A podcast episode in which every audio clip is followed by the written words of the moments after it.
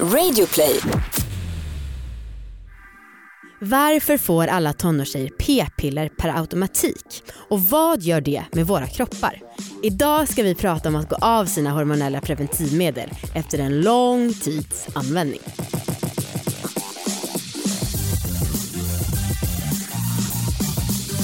Hallå allihopa och välkomna ska ni vara till succépodden Alla våra ligg! Jajamän. En podd om sex, sexualitet och om att äga sina val. Ja, Tjena, jag heter Anna. jag heter Amanda. Hej på dig. Hej. Ja. Ah, idag alltså, ska vi prata om någonting som jag är lite rädd för. Mm. Eller vi båda har varit rätt nervösa. Alltså. ja. Eh, för vi var på en föreläsning, det var några månader sedan nu, Mm.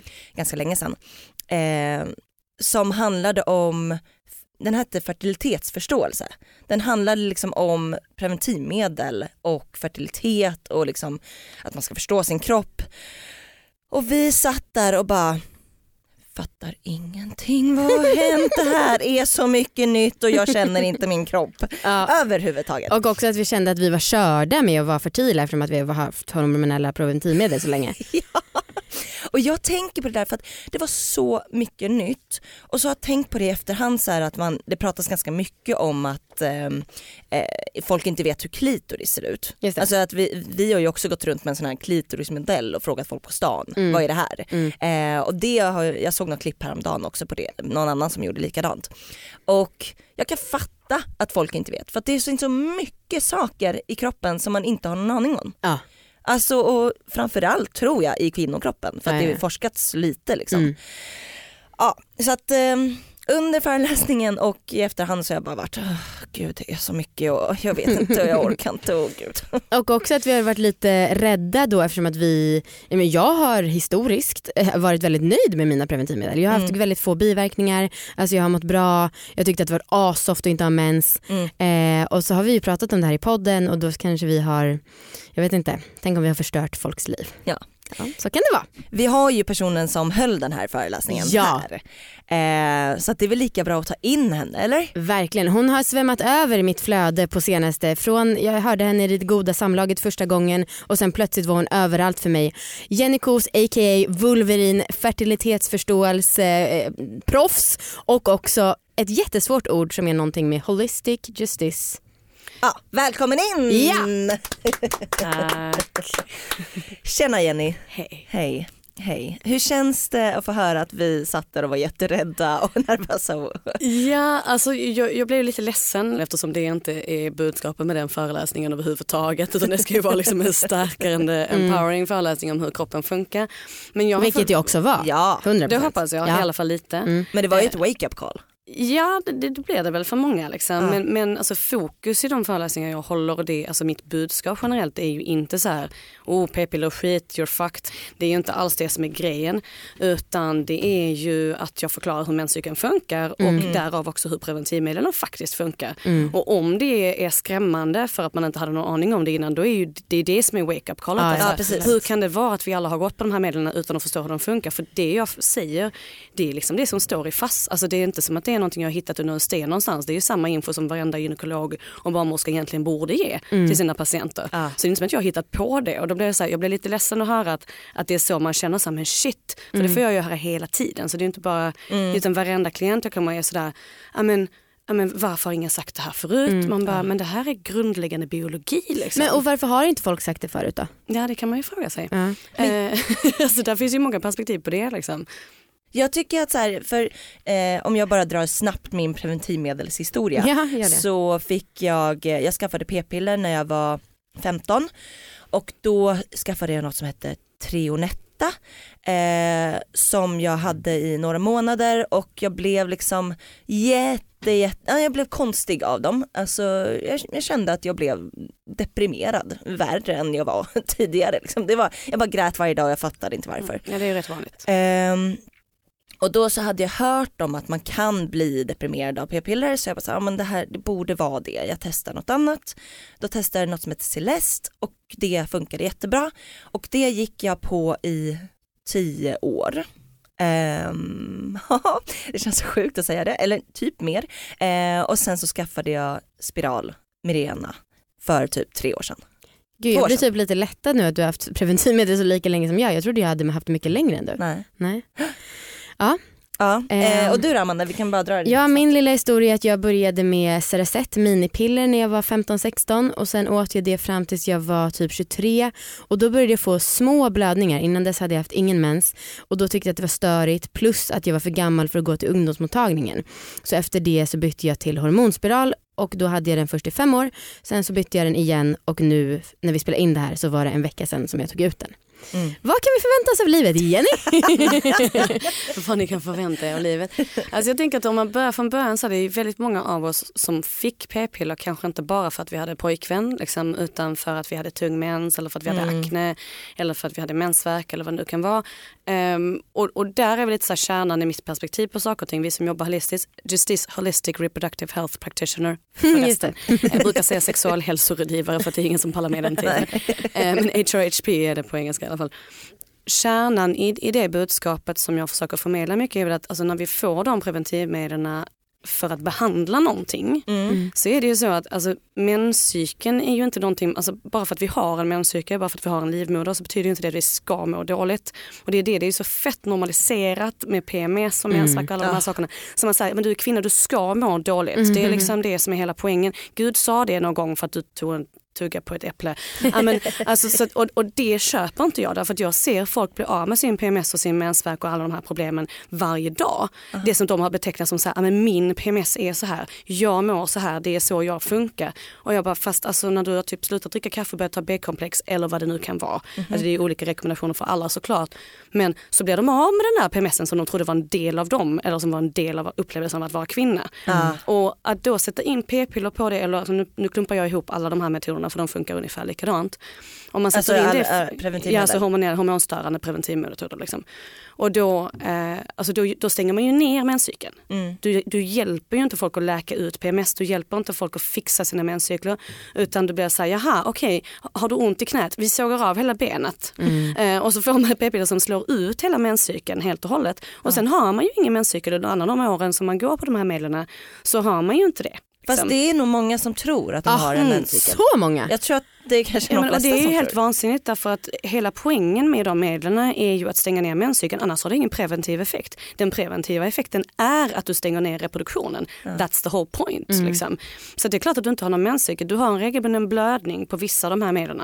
Och det kallas för bortfallsblödning. Det är inte menstruation. Det är en fejkblödning som är där bara för att vi ska känna att det är mer naturligt. Ja, Det för är det är ju det som alla bara, jag vill inte bli av med min mens, hur skulle jag då veta om jag blir gravid? Jag bara, men det är inte mens, det är typ Mm. eh, alla företag som vill sälja mensskydd som har hittat på att den ska finnas för att kunna fortfarande tjäna pengar. Men alltså när du säger att man kan läka liksom, från PMS. Det, jag tänker att det är någonting som hör till kroppen. Alltså något som är naturligt och självklart. Ja, nej, alltså, jag menar där är ju olika faser i menscykeln och man kan absolut ha vissa skiftningar i energinivåer, i metabolism, i humör som man ändå kan känna av under menscykelns gång. Det är naturligt men att må skit under sin cykel är inte naturligt och är inte självklart. Och det går att bli av med. Men det, jag tror inte att någon vet om det. Nej, eh, jag kan se, de som har träffat mig, de vet om det. Och mina kollegor, alltså för att det är det vi jobbar med hela tiden, att fixa folks menscykler, det är liksom mitt jobb. Eh, och det är fullt, fullt, fullt möjligt och det har att göra med kost och det har att göra med livsstil och det har att göra med näring. Eh, och är alldeles helt fixbart liksom. Men sen är det såklart alla är olika och hur mycket är du villig att styra upp, hur mycket du vill förändra. Ehm, och sen så, som sagt jag har lite problem med den här idén då att ja, men alla har alla har PMS tänker man. Eh, och sen så medicinerar man bort den då med p-piller. Och det är så här, men då har du, du har medicinerat bort så här, din fysiologi. Liksom. Så här, ja, men här är en skiftning och den har vi problem med. Det var lite som det var som med knät. Liksom. Ja. Att, så här, men, alltså, du, kan ju inte bara, du kan inte bara ta bort allting utan det är ingen som utreder varför har du PMS. Ja. Alltså, för att alla har ju inte det.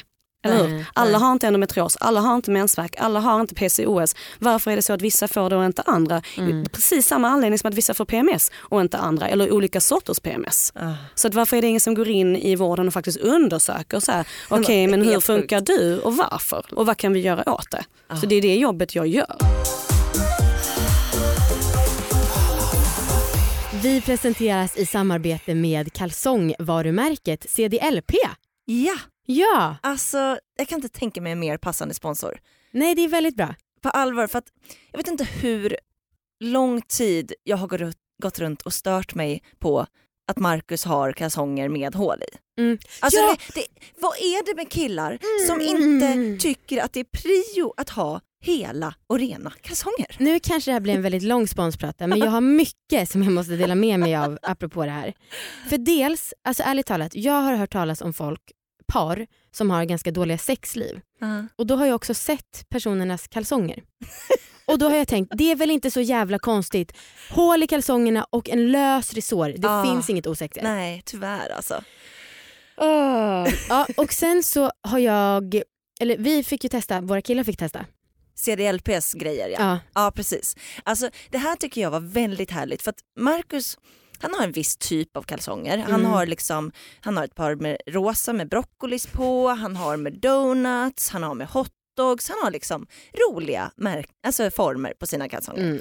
Och han har inte, jo han har ett par svarta Mm. basic kalsonger och de är det hål i. Och Nej. då har jag känt så här, men någon gång kanske man inte vill ha roliga kalsonger, någon gång kanske man vill ha snygga kalsonger. Ah. Så att jag tyckte det var vä- väldigt välkommet att Marcus fick då eh, köpa tre stycken svarta kalsonger Ja. som han gjorde då från CDLP och de var så snygga och det var så skönt att liksom se honom i stiliga kalsonger. Och de var så otroligt mjuka och Ah, härliga. ah. Alltså det är en vuxen mans kalsonger. Ja, ja, Som man borde ha om man är en vuxen man. ja. Marcus är Ehm, fan 35. Ja, och alltså när Viktor, han blev också så himla glad för att han fick beställa det här. Mm. Och det var verkligen som ett event. Och då blev jag så här, men herregud vi beställer kalsonger, hur stort kan det här vara? Ja. Och så var jag så här, Viktor, är det här första gången vi är ihop som du köper nya kalsonger? Åh nej. Och han bara, ja det är det nog. Jag bara, men vad, alltså seriöst. Jag köper i alla fall nya trosor någon gång per år och så här, nog för att man inte kanske ska överkonsumera men kalsonger, jag fattar vad de CDLP menar med att man ska uppdatera sin kalsonggarderob. Ja, och i alla, fall, i alla fall köpa nya om ens egna är trasiga. Ja. Alltså det är väl lite så basic. Ja.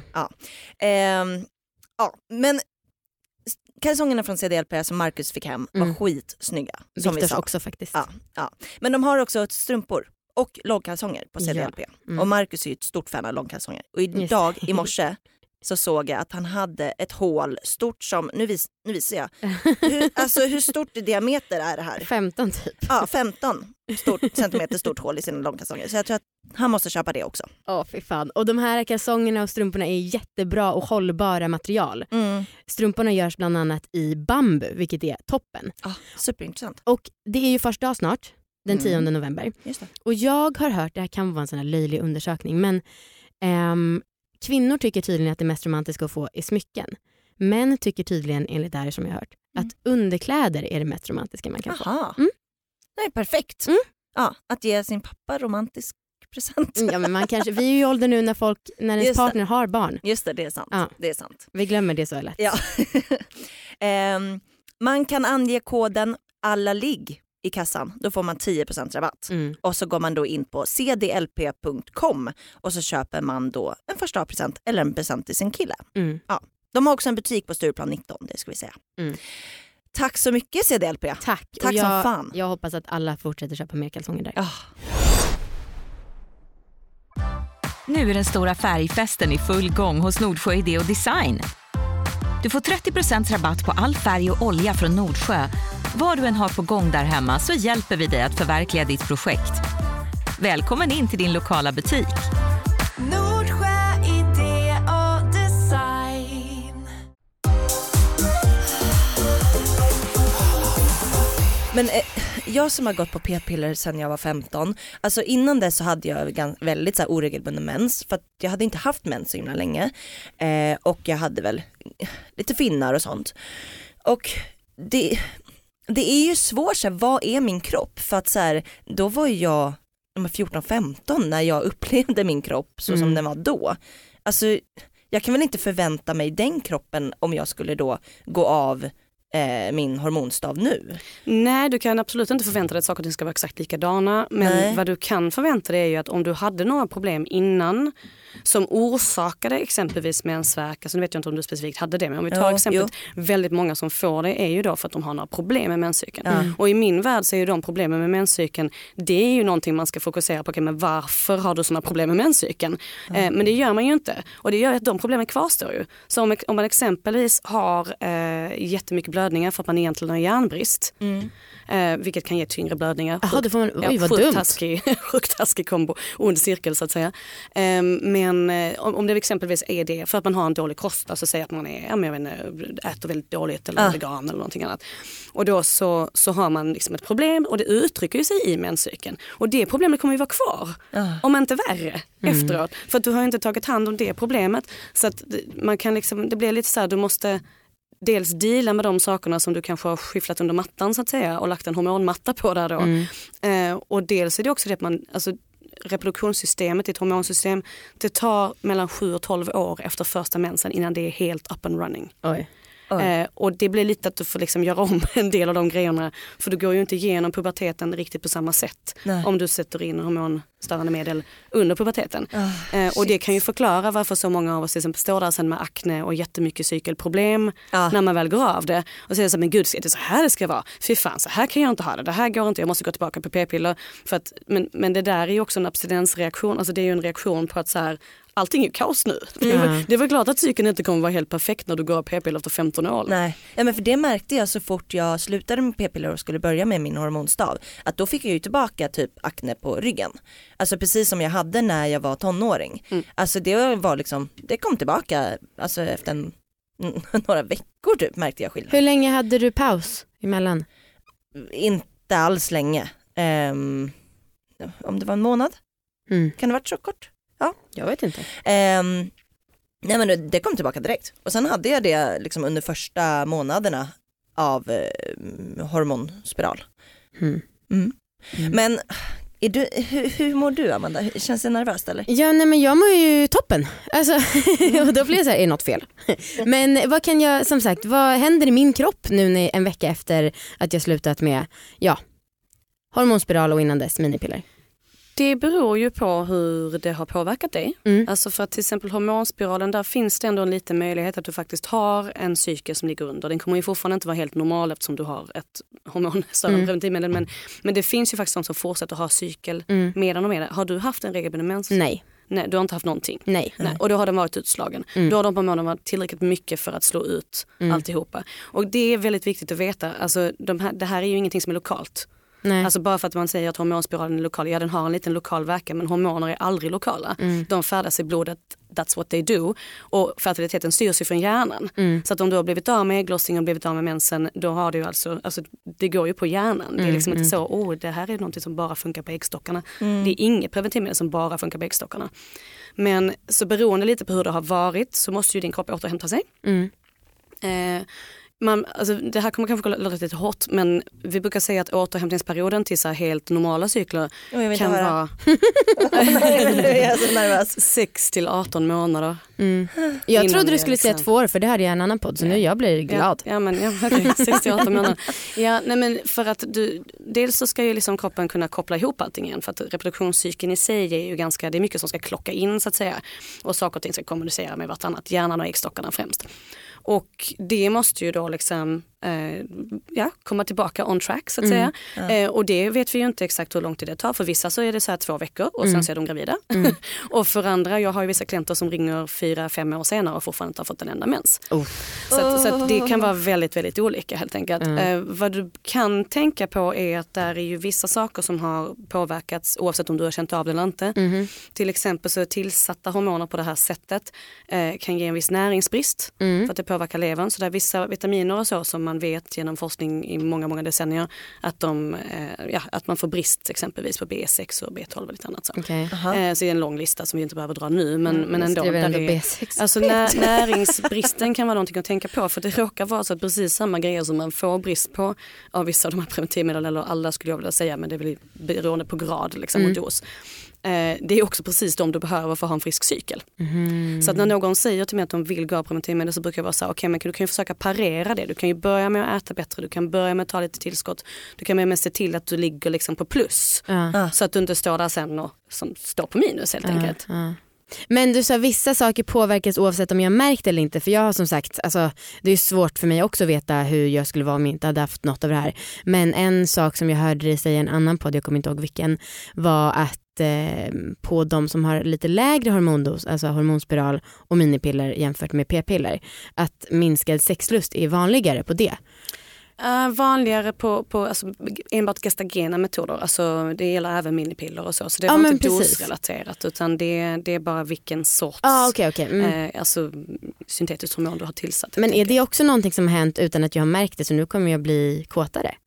Alltså många upplever ju det. Alltså, många upplever ju att de, eh, det är som att gå från svartvitt till färg. Liksom. Och bara, wow, kolla jag kan vara kåt och arg och våt och liksom, åh, ledsen. Här. Shit. Jag har känslor. Liksom. Det, är- allting är inte bara ett töcken. Liksom. Eh, men det är ju inte heller alla som upplever att det är ett töcken när de går på preventivmedel. Nej. Men, men ja, alltså sexlusten blir ju alldeles för ofta väldigt förtryckt. Eh, och det har ju att göra med att du pressar ju ner dina egna könshormoner i botten. Alltså om du stänger ner cykeln så producerar du ju inte östrogen och progesteron och testosteron på samma sätt som du gör när du har en ägglossning. Ja. Så att alla preventivmetoder som stänger ner ägglossningen kommer att leda till att du har låga nivåer av de hormonerna. Ja. Och det är de som styr din sexlust Ja. i mångt och mycket. I viss utsträckning så kan det ersättas av till exempel då vissa p-piller har ganska mycket östrogen i sig och då, det funkar för vissa men det funkar inte för andra. Alltså, eh, men om man tänker så här, den där låga sexlusten går ofta ihop med typ torra slemhinnor, återkommande infektioner, alltså eh, ja, en generell liksom, lite så här menopausliknande symptom och det är ju en av p-pillernas effekter för att det trycker ner dina egna könshormoner till ett läge som mer än någonting annat kan beskrivas som liksom klimakterieliknande för det är inte alls som att vara gravid. Jag träffar väldigt många kvinnor hela tiden. Liksom, Det är det jag gör. Jag sitter på min klinik i Malmö och sen så har jag Skype också. Och så, så ringer massa folk in och berättar liksom sina historier. Jag sitter med dem i 80 minuter alltid. Liksom. Så att jag hinner ju ta en historik. Ja. Liksom. Ja. Så jag får ju höra väldigt mycket av de här coming off the pill historierna. Eh, och det är, en gemensam nämnare är just sådär att shit, jag hade ingen aning om vem jag var, hur det kunde kännas, hur sex kunde kännas, att de här, de här diagnoserna egentligen var biverkningar, att jag inte egentligen behövde gå på antidepressiva, att, jag, att den här vestibuliten som jag utvecklade var ju för att jag hade svamp och svampen berodde på p-pillret och sen så behandlade jag svampen så hårt så till slut så hade jag vestibulit och sen så när jag slutade så hade jag plötsligt inte vestibulit längre. Alltså sådana grejer hör jag ju varje dag. Liksom. Så, så det finns ju aldrig, jag har ingen intention till att säga till folk så här att du borde inte ta p-piller för att det kommer gå åt helvete. Det är liksom inte alls det som är grejen men jag hör ju det motsatta konstant och jag har pluggat om det i tio år så att det är ju svårt för mig att säga så här, oh jag är helt pro liksom. Men jag är helt pro rättigheten. Alltså det är inte säkert att man måste med skit och det finns absolut jättemånga tillfällen där folk behöver och vill gå på det. Min grej är ju med att jag vill informera om hur menscykeln funkar så att man har den grund, alltså grundkunskapen att förstå, okej nu väljer jag det här preventivmedlet och jag fattar hur det funkar och det är mitt fria val. Ja. ja men det, och det är ju så här, eh, det är ju skevt när man får p-piller när man är 15 och så här, jag har tyckt att det varit jätteskönt. Eh, också för att jag har tyckt att det varit svårt när man har liksom legat med folk och de typ propsat på att inte ha kondom eh, och liksom ja okej jag blir i alla fall inte gravid. Jag Vilket är får- ett problem Ja, får man ju säga. det är absolut ett problem. Eh, men det har i alla fall varit skönt att så här, okej men jag blir i alla fall inte gravid för jag har p-piller. Eh, men man har ju inte fått någon info överhuvudtaget om hur det funkar och liksom, alltså när ni säger gestagen, Mm. nej men det vet, alltså jag vet knappt vad det är. Fake progesteron. Och då vet du inte vad progesteron Nej, är. precis. Nej men exakt, alltså det är så mycket som man måste lära sig och då kanske det blir för krångligt för att p-piller skrivs ut till tonåringar. Alltså varför kommer inte informationen ut? Är Alltså, väl mer min där är fråga. ju en stor disk- alltså jag lär ut något som heter justismetoden som är en metod för fertilitetsförståelse. Det går ut på att man lär sig hur cykeln funkar och sen så Ja. vet man helt enkelt vilka dagar man kan bli gravid och inte bli gravid. Och det är inte samma sak som säkra perioder, alltså räkna i kalendern eller räkna i en app. Utan det här är att man bevakar de faktiska liksom, tecknen i kroppen som är vetenskapligt bevisade på att det här är ett tecken på fertilitet och att spermier kan överleva. Så jag lär ju ut det och där är ju en diskussion, absolut, jag pratar med många barnmorskor som säger men vi kan ju inte rekommendera det till tonåringar. För att de har inte disciplinen, de Ja, har just inte motivationen. Alltså, och jag, men jag, jag köper det. Liksom. Eh, men det är fortfarande så här, alltså ur rättighetsperspektiv och liksom feministiskt och allt vad det är, är det okej att då undanhålla den informationen från tonåringar för att nej men det där är ni alldeles för unga och dumma för att sköta. Alltså det är bättre att folk får informationen och sen kan man välja. Liksom. Sen tycker man då att nej det här är alldeles för jobbigt för mig, jag vill hellre ha en kopparspiral eller vad jag nu vill ha. Fine, do it. Liksom. Men, men det är fortfarande så här att säga på basis av att folk är unga och eventuellt impulsiva att det här borde inte ni kunna för att ni kanske använder det. Man bara, alltså vad är det för jävla kvinnosyn? Liksom? Ja, jo, verkligen. När jag tänker på att bli gravid så har jag typ under hela mitt liv liksom förutsatt att det är någonting jag kommer ha problem med. Jag vet inte vad, det är bara en känsla i mig liksom. Um, hur har liksom mina eh, p-piller och hormonstav någon liksom påverkan på min fertilitet? Det, det är svårt att säga därför att det är så dåligt forskat på det här. Eh, där finns ju studier som jag vet att barnmorskor så brukar hänvisa till där det står att det inte har någon påverkan alls men jag har analyserat de där studierna och det, det, det är inte så att det inte har någon påverkan alls utan det är så att de flesta inom ett år efter att de har slutat med diverse sådana medel liksom, så, så kan de bli gravida inom ett år efter avslut. Okej. Men det inkluderar missfall. Ja just det. Så det är bara så här, att kunna bli gravid, jag menar, de flesta som vill bli gravida vill ju gärna ha ett levande barn i slutet. Liksom. Det är inte så här, Jo, då inkluderar man inte missfall. Men det gör de i den studien. Eh, och dessutom så är det då alltså inom ett år efter avslut, det är, oftast, det är ju längre än vad de flesta tänker sig när man säger att det har ingen påverkan alls. Ja men det kan ha, definitivt ha påverkan. Liksom. Och som sagt jag träffar ju folk där det tar mycket, mycket längre tid än så innan de ens kommer tillbaka. Så, att, så att det är väldigt individuellt hur det har påverkat. Eh, där finns ju vissa saker, till exempel så vet man att det är en påverkan på cervix kryptor som tillverkar livmoderhalssekretet som spermier måste ha för att simma i. Okej. Eh, det pratar man aldrig om när man snackar om detta, har jag märkt. Eh, Men det finns forskning på det exempelvis. Så att det är vissa sådana grejer, men i det stora hela så handlar det helt enkelt om hur du återhämtar dig. Alltså, för som sagt, det är de som blir gravida två veckor efter avslut med p-piller också. Så det måste absolut inte vara så att det är kört. Men en grej måste jag få säga, för jag är så trött på att höra detta. Och det är att folk säger, ja men jag sparar mina ägg. Det, och sen den. så har jag jättemånga ägg sen eh, som är liksom bara så här, ligger på hög i någon sorts påskäggskorg och bara Det var det jag, bara antecknade efter, vår, efter din föreläsning. Är det så? Ja men okej, då kan jag speak to that lite då. Eh, därför att, ja alltså det blir ju så eftersom ägglossningen stängs ner eh, så, så blir det ju paus så att säga. Så att rent praktiskt så kan man ju säga att man sparar ägg därför att de mognar ju inte. De ligger ju fortfarande där. Eh, men det är fortfarande så att du åldras, alltså det är inte så att tiden stannar. Jo. Eh, nej det gör den inte. Alltså därför att du föds med alla ägg du någonsin kommer ha och precis som med alla andra åldringsprocesser liksom, så åldras ju även del. Så att det är ju inte som att du är 22 om du går av p-piller när du är 32 liksom, för att du har stoppat. Alltså så funkar det inte. Ehm, och det är ju så att Även om du skulle ha en massa, massa, massa ägg så är inte det en garanti. Det vet många som har gått igenom IVF exempelvis. Det handlar ganska sällan om hur många ägg man har. Det handlar om hur fertiliteten är i stort. Ja, okej. Eh, Och i och med att det finns biverkningar på sådana här medel, alltså hormonstörande preventivmedel som är liksom ökad inflammation, näringsbristen som vi var inne på. Alltså där finns en del andra sådana fysiska markörer som är ganska negativa som faktiskt påverkas. Mhm. Så att om du inte kan ägglossa när du går av p-piller så är det så här, hur- det spelar ingen roll hur många ägg du har. Nej såklart. Alltså, du måste tillbaka till en fertil cykel och det har ingenting att göra liksom, med hur många ägg du har. Trist. Jag kände liksom att nu har jag en advantage. eh, det är jä- jävligt synd att höra. Ja. Eh, men det, här, det blir väldigt svårt med min planering i mitt liv. För att jag liksom tänkt att så här, okej men eh, det här datumet då ska jag ta ut min spiral.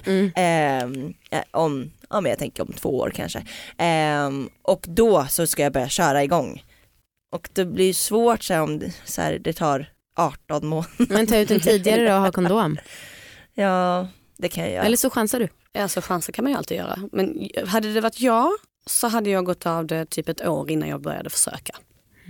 Ha. Det hade jag gjort. Alltså rent på- bara också, också för barnets skull. För att forskningen på hur mycket det påverkar barnet eventuellt, det, Ja. den är ju helt typ oexisterande. Ja. Man har kollat lite så här huruvida de väger lika mycket efteråt. Men det är ingen som har följt barn upp i vuxen ålder för att se hur det påverkar dem att de blir till till exempel med dagen efter piller. Nej, Alltså den forskningen existerar typ inte. nej. Eh, Och det vill man nog inte göra för den är lite oetisk att göra. Så att då gör man inte det. Men, men för min egen del, så här, både för min egen skull, alltså att bli gravid och behålla det och slippa ha en massa onödiga missfall. Liksom, Ja. För att saker och ting inte riktigt funkar ännu.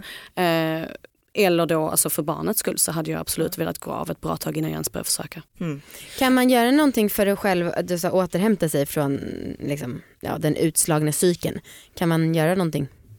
Påverka det själv? Eh, Alltså det är ju så här sunt leverne Mm. överlag. Alltså stötta hormonhälsa och det är ju sånt som jag föreläser på, om mina, alltså på mina föreläsningar så säger jag ju ofta då liksom, men vad är att stötta hormonhälsa? För det är inte alla som vet det heller. Liksom. Men jag kan ta det tvärtom.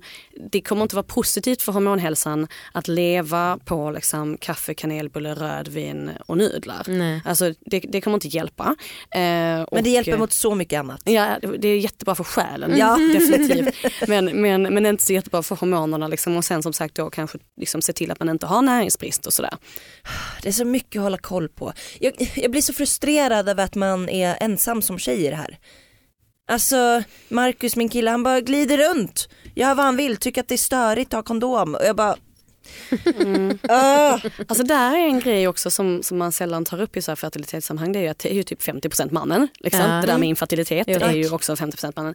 Eh, Både fertilitet och infertilitet så är han, han är liksom delaktig om man säger så. Ja. Om vi, om, ja, beroende på vilken typ av sexliv man har så kan man ju liksom, pratar vi heterosexuellt liksom, så ja, då är han del av det. delaktig. Ehm, och, och en män, alltså han producerar ju spermier hela tiden. Mm. Så att för män så är det ju så, alltså en spermie anläggs idag ungefär 1500 i sekunden faktiskt. Och utlöses om cirka tre månader. Så att egentligen är det så här, om, om män hade liksom, vi har ju menscykeln och menscykeln visar oss väldigt tydligt hur vi mår därför att det är en spegling av vår allmänhälsa. Så att, så att menscykeln kommer liksom visa, är det någonting som är, som är off så kommer vi se det på menscykeln i form av PMS och så vidare. Ehm, men män har ju inte den riktigt lika tydligt men däremot skulle män ha gjort så här typ eh, en gång i månaden spermaprov Ja. så kan jag lova att vi hade sett skillnader. Det bara att det hade varit lite fördröjt. Ja, liksom. okej. Eh, och det är också en grej inom så här, fertilitetsvården så säger man typ att ja, men det, har du dåliga spermier så har du dålig spermier, finns ingenting att göra. Men jag träffar ju män som börjar ta tillskott och börjar leva bättre, äta bättre och så vidare. Och sen ungefär fyra månader senare så har de typ en helt ny batch. Oj. Mm. Och det där är något som man kan tänka på i, i så här jämställdhetssyfte. Om man försöker bli med barn så är det så här, det minsta han kan göra är faktiskt att försöka ge lite bra frön liksom, till den här blomkrukan. För det är inte så här jätteschysst att man ska hålla på och så här, göra allting för att bli den perfekta plantjorden. Liksom. Ja. Och sen så får man dåliga frön. Det är, det är faktiskt jävligt oschysst. Alltså jag, nu, jag gillar liksom att planera mitt liv väldigt långt fram. Så om man tänker så här, okej men eh, om jag vill bli med barn om två år då tar jag ut spiralen om ett år då enligt din rekommendation. Och så, Jag skulle kalla det för en rekommendation generellt men det vad jag hade gjort. Ja. och så påbörjar jag arbeta med Marcus för han eh, misshandlar sina eh, organ väldigt mycket genom att äta Han låter asoft nu när du berättar för Jenny som också aldrig hört våran podd. Så han går runt, han hatar kondom, han Nej, men han är världens organ. Men han eh, äter väldigt dåligt och gillar inte att träna och liksom lite så.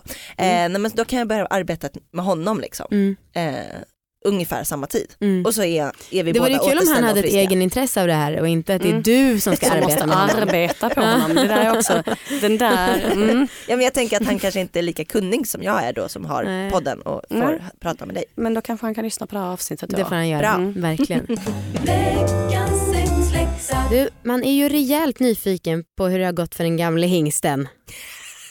Marcus, det Ja. mig? Marcus, dig har jag aldrig varit bekymrad för. Tack. eh, nej men vi har klarat det, vi har legat tre gånger på en vecka. Jaså? Ja, och det gick väl ja, bra.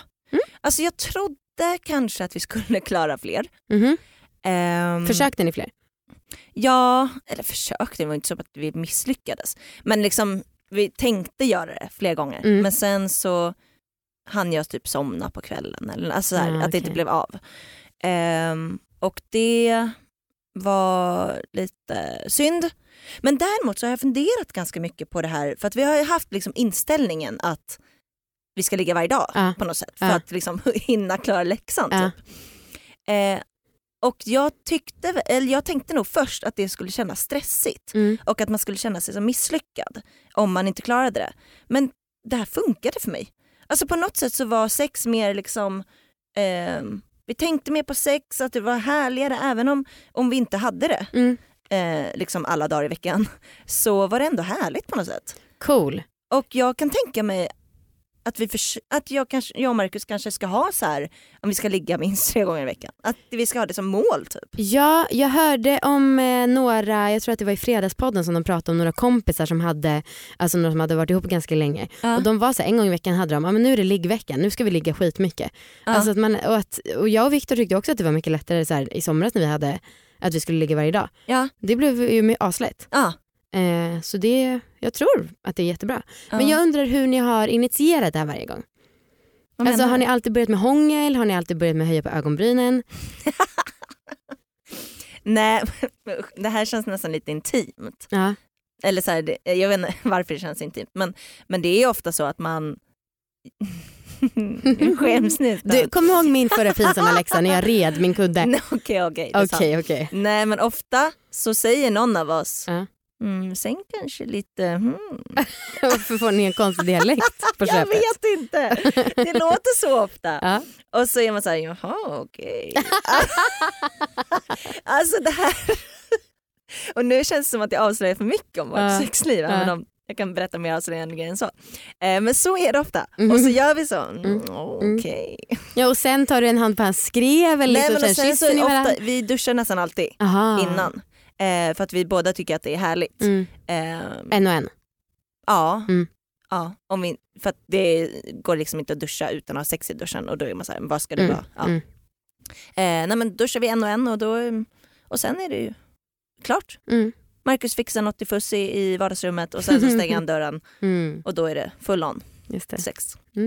Ja, det var inte jättedetaljerat som jag hade hoppats men jag, märker, jag tänker inte pressa dig Men vadå, hårdare. det, jag berättar ju Att om du duschar och säger sen Nej, men hur vi- ja, men hur vi förför varandra. Ah, Fast vad är det här är det som... Men sen då när du Det är kommer ut att ur duschen? det där. Ja. Oh, Okej, hallå. Alltså vi går ofta ner lite så. Ja, just det. Eh, ja, bra. Härligt, kul. Ja. Eh, nej men så jag känner mig nöjd och det är antingen, för det här har vi pratat om lite att man ska ha så en sexdag Mm. och så. Och det kanske skulle kunna funka. Men jag tänker att det här funkade faktiskt för oss ganska bra. Att ha något så minimumantal i Mm, veckan typ. mm. Hmm, fundera på att fortsätta med det. Ja. Jag ska prata med Marcus. Ja. Mm. Nu ska du få en läxa. Det är dags. Ehm, vi har ju skrivit en bok. Mhm. ja. Och jag vill att du... Eh, ett kapitel där heter penetrationsnormen. Ja. Och eh, jag vill att du ska ligga... Jättepenetrerande. Ja, kuk i fitta, ligg hela veckan. Nej, tvärtom. Mm. Jag vill att du ska försöka att ligga utan penetrationsnormen, Mm. utanför penetrationsnormen. Mm. Och så här, jag tycker ju att ni fortfarande kan ha penetration, Ja, men gå utanför mallen. just det. Mm. Alltså det kommer ju... Viktor är ju boven i dramat. Ja, det förstår jag för att han är ju man. Ja precis och Ja. han också har svårt att komma av avsugning Ja. och han också gillar inte så mycket att man ger honom för han känner sig lat då. Och då han men måste... han kan fortfarande få komma genom penetration. Ja okej. Men för han liksom vill vara den aktiva. Så i sånt fall är det att han ska få penetrera mig och fingra mig och slicka mig. Och så kan jag suga honom. Jo men han gillar det. Men oftast så tycker jag att han är lite väl penetrationsnormativ. Mm, mm. Men vi Men får jag vill se. att ni utmanar det här. Det blir en kul utmaning för oss båda. Och ni får vara lite kreativa i det också. För Ja. jag vet inte exakt vad det kommer innebära att ni gör. Nej. Men du vet ju liksom att ofta så är det så hångel, oralsex, Ah, jo tack penetration. Och jag börjar gäspa jag börjar så här. ja. Mm. eh, lycka till! Tack! Vi presenteras i samarbete med Vuxen. Även denna vecka. Ja, Ja, och vi vill bara påminna er om att det är en väldigt, väldigt, väldigt stor webbshop för sexleksaker. Mm. Ja, det kanske är någon som har glömt. och ni får en väldigt, väldigt, väldigt stor rabatt om ni anger koden sexleksak.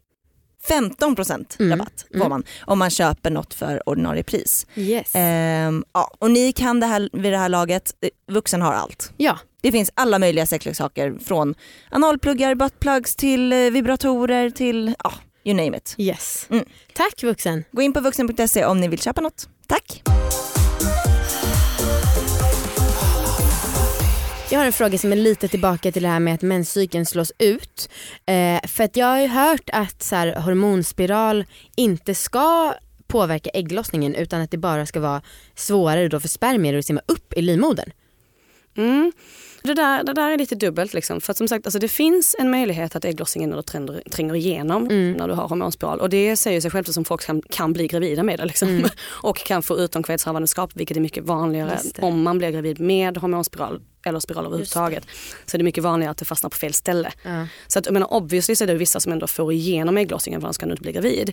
Men rent så här, hormonellt så är det som sagt det kommer vara olika. Mm. Alltså om du har blivit av med mensen helt så kan vi räkna med att du har slagit ut ägglossning och då har det definitivt påverkat hjärnan och i sin tur äggstockarna. Mm. Ja. Men gestagenet som är då, alltså det är fake progesteron. Och progesteron är det ett hormon som finns i menscykeln vanligtvis. Och det de har gemensamt, de är inte helt likadana, alltså gestagen är inte exakt likadant som progesteron. Liksom. Men det de har gemensamt är att det påverkar livmoder, alltså livmoderhalsens sekret. Vilket ni kan tänka er typ som att simma i Philadelphia, det blir lite jobbigt. Eh, till skillnad från att simma på autobahn som man har när, då, när man är fertil och inte har någon preventivmedel så är det liksom bara raka vägen upp, curling så. Och sen så påverkar det också livmoderslemhinnan, plantjorden kan vi kalla den, eh, och gör att den blir väldigt tunn. Ja. Och det är ju, den, det är en lokal effekt också. Ja. Liksom, att förutom att det påverkar hela kroppen så påverkar det också lokalt och Mm. gör att den här blir väldigt tunn och då kan inget ägg fästa. Liksom. Så att, eh, ja, det, det är ju det som är grejen. Liksom, att, men, men hur det påverkar dig i din helhet kan Ja. man ju, alltså det, kan man, det går inte att gissa. Nej. Liksom, utan du får utgå ifrån vilka symptom har du. Men är det, men är, och då är det det här gestagenet som ändå har slått ut min ägglossning? Ja, alltså för att gestagen, både, alltså progesteron i menscykeln, dess jobb är att säga till hjärnan ägglossa inte nu. Aha okej okej okej. Alltså, och samma sak med gestagen. Aha. Men eftersom det är lite lägre dos i hormonspiralerna Ja. liksom, än vad det är i till exempel p-piller. För p-piller måste ju gå igenom, alltså genom matsmältningen så det blir liksom en högre dos. Mm. per se för att det är ett visst svinn. Om du sätter det direkt i blodströmmen så blir, då kan du ha lite lägre dos. Så att på grund av det så finns det också, det vet vi ju med de här nyare hormonspiralerna som är ännu mer lågdoserade, Kylena och Gedes och dem. Ah. Aha. Jo, det finns som är ännu mer lågdoserade än Mirena. Och då är det mycket vanligare med utomkvedshavandeskap. Har man märkt. Så, att, så för att då får du ju igenom fler ägglossningar och därför är risken att du faktiskt blir gravid större. Mm, mm. Ja. Åh, det är så mycket att tänka på. Åh, alltså, nu låter det ju verkligen som att vi eh, hejtar på alla hormonpreventivmedel. Eh, alltså jag, Gör det verkligen det? Jag tycker inte det låter som att vi hetar på dem. Jag förstår inte hur det blir heta liksom. Nej okej. jag känner men- inte riktigt det men okej. Nej, vad jag, du menar. nej, jag, alltså, jag är förvånad för jag trodde att jag skulle vara, alltså, mm, ja, men som sagt, jag var också lite rädd inför att, du skulle komma hit. Men jag känner mig av någon anledning peppad. Ja men jag med, alltså, det, jag tycker att det känns coolt att, liksom, och spännande att lära känna sin kropp, hur den funkar normalt för att jag vet ju inte hur min kropp funkar.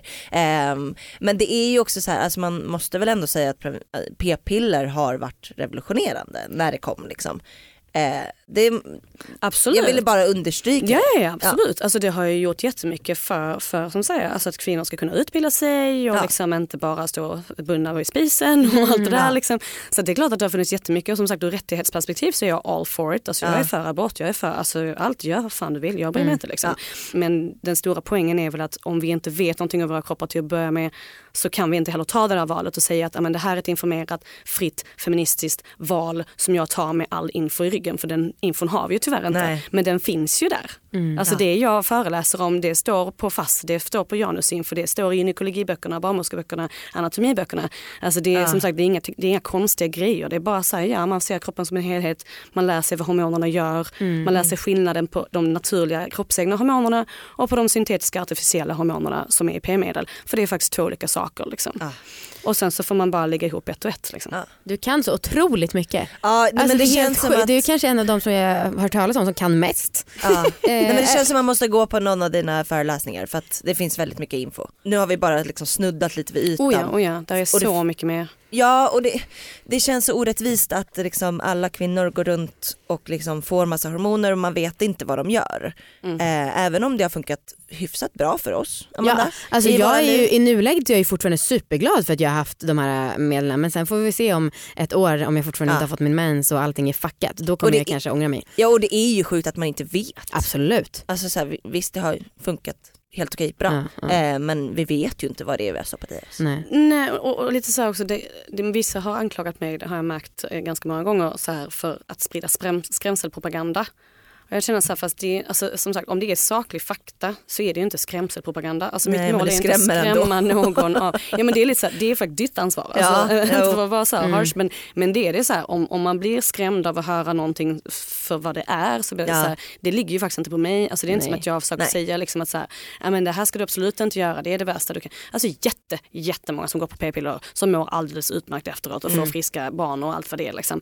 Så det, det är inte som att det är det värsta som har hänt men det är också väldigt många som har mått dåligt i onödan, Ja. som, inte, som känner sig lurade, som känner sig förda bakom ljuset, som känner liksom att de ångrade, att de hade gjort ett annat val om de hade vetat att det finns någonting annat. Mm. Ja. Nej men det som skrämmer är väl att man inte får någon info.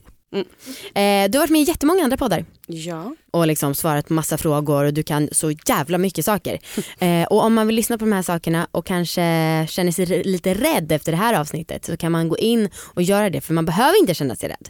Nej. Jenny Kos heter du och det stavas med två O. Ja. Och Instagram, vad heter du där? Vulverin kurs och sen har jag ju Facebook också, sidan Ja. Vulverin och båda de här två går du att söka på. Så att är man intresserad av något speciellt ämne kan man alltid gå in och sen som sagt det är värt att sätta sig in lite djupare än bara ett sånt här poddavsnitt. Ja. För som sagt, det, är rätt, alltså, det är rätt lätt att bara känna så här, gud jag förstår ingenting och det här bara låter läskigt.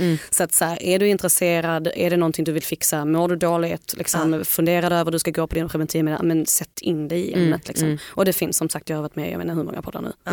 ja men och efter din föreläsning som du hade så blev vi ju båda peppade att lära känna oss själva. Ja absolut. Alltså verkligen. Eh, och sen så kan man ju också boka dig privat även om du snabbt blir fullbokad.